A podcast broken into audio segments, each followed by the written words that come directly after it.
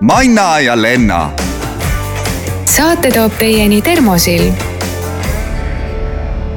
armsad sõbrad, minu nimi Mari-Liis Männik ja mul on hea meel olla üheskoos Elmari stuudios Andres Panksepaga. tere, Andres! tere, Mari-Liis ja tere kõik Elmari sõbrad!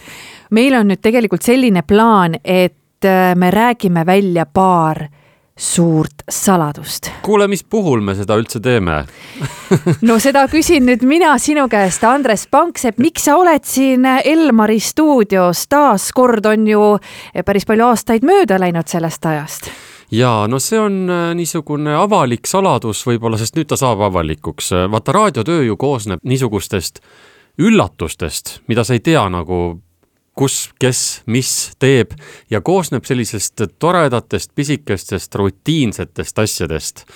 ja võib-olla siis see saladus on see, miks ma olen siin, et, et mul jäid mõned asjad tegemata ja mul jäi näiteks, jäi mõne kindla laulu intro peale rääkimata sa tead ju, mis tunne see on, kui sa saad rääkida mõne endale meeldiva loo intro peale ja. kui see tegemata teha... jääb, siis ei saa öösel magada. mul jäid mõned ideed realiseerimata, ma tulin neid nüüd tegema ja ma ei oska öelda, millal see tehtud saab. vaat see on mulle endale ka saladus muide, nii et millal see hetk käes on, et nüüd on kõik tehtud, seda ma tegelikult veel ei tea aga millest see sõltub?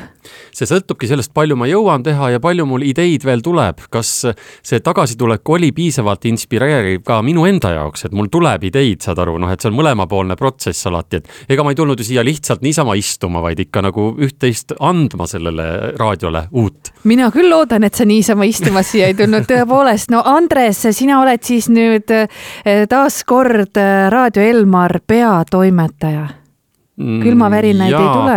Eh, seda on minult ka küsitud, et on ikka julgus minna tagasi sellesse, mida sa kunagi ise nagu lõid ja mille eh, võib-olla noh, edu niisugusel kujul, nagu see kunagi oli, on raske saavutada. aga ongi hoopis teine situatsioon, ma tegelen hoopis teiste teemadega. kõik areneb siin elus, see on, Elmar on muutunud siin elus, nüüd on mul hoopis teised ülesanded, nii et selles mõttes ma ikkagi ei karda. raadiotöö nii-öelda põhiosa on ju ikka sama ja ega kõik pole muutunud, näiteks Raen Väikene on endiselt alles. ja leiab veel siin koridori peal liikudes tuttavaid nägusid, nii et selles mõttes ka on turvaline tulla.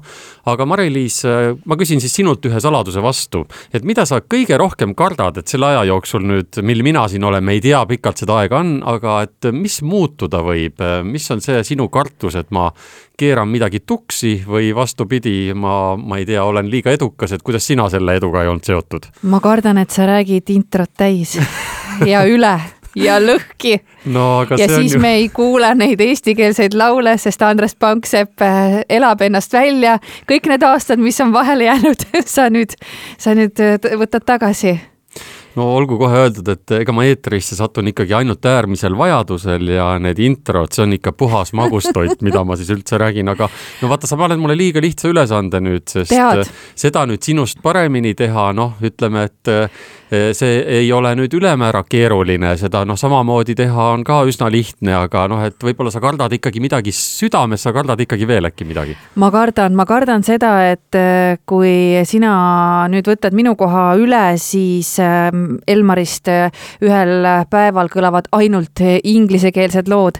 ma kardan seda, et sa muudad selle raadiojaama nime ära. ma kardan seda, et sa kolid selle raadiojaama üldse Tallinnasse, et sul oleks mugavam tööl käia. ma kardan seda, et sa lased kõik mu armastatud saatejuhid äh, lahti. sa oled ikka vandenõuteooriates väga tugev, mulle tundub, et äh, viska aga kosmosesse oma soove edasi ja siis küll nad täituvad, ütleme selle peale. Pangsep, tegelikult need olid nüüd need asjad, mida, mida ma noh, hinges tegelikult äh, ei karda, no eks elul on omad rajad ja, ja oma kulg, aga, aga võib-olla ma kardan natukene seda, et sulle hakkab siin nii meeldima, et kui minu teine laps siis ühel hetkel on nii suur, et ma mõtlen, et no nii hm,, nüüd ma tahan tagasi tööle ja kõik jätkub sealt, kus vanasti pooleli jäi, siis võib-olla sul on hakanud vahepeal nii meeldima, et vot ei lastagi mind tagasi. ma võtan selle hirmu sult kohe maha, sest Eesti seadusandlus võimaldab sul tulla iga kell tagasi, nii et mul ei ole mingit sõnaõigust selle koha pealt.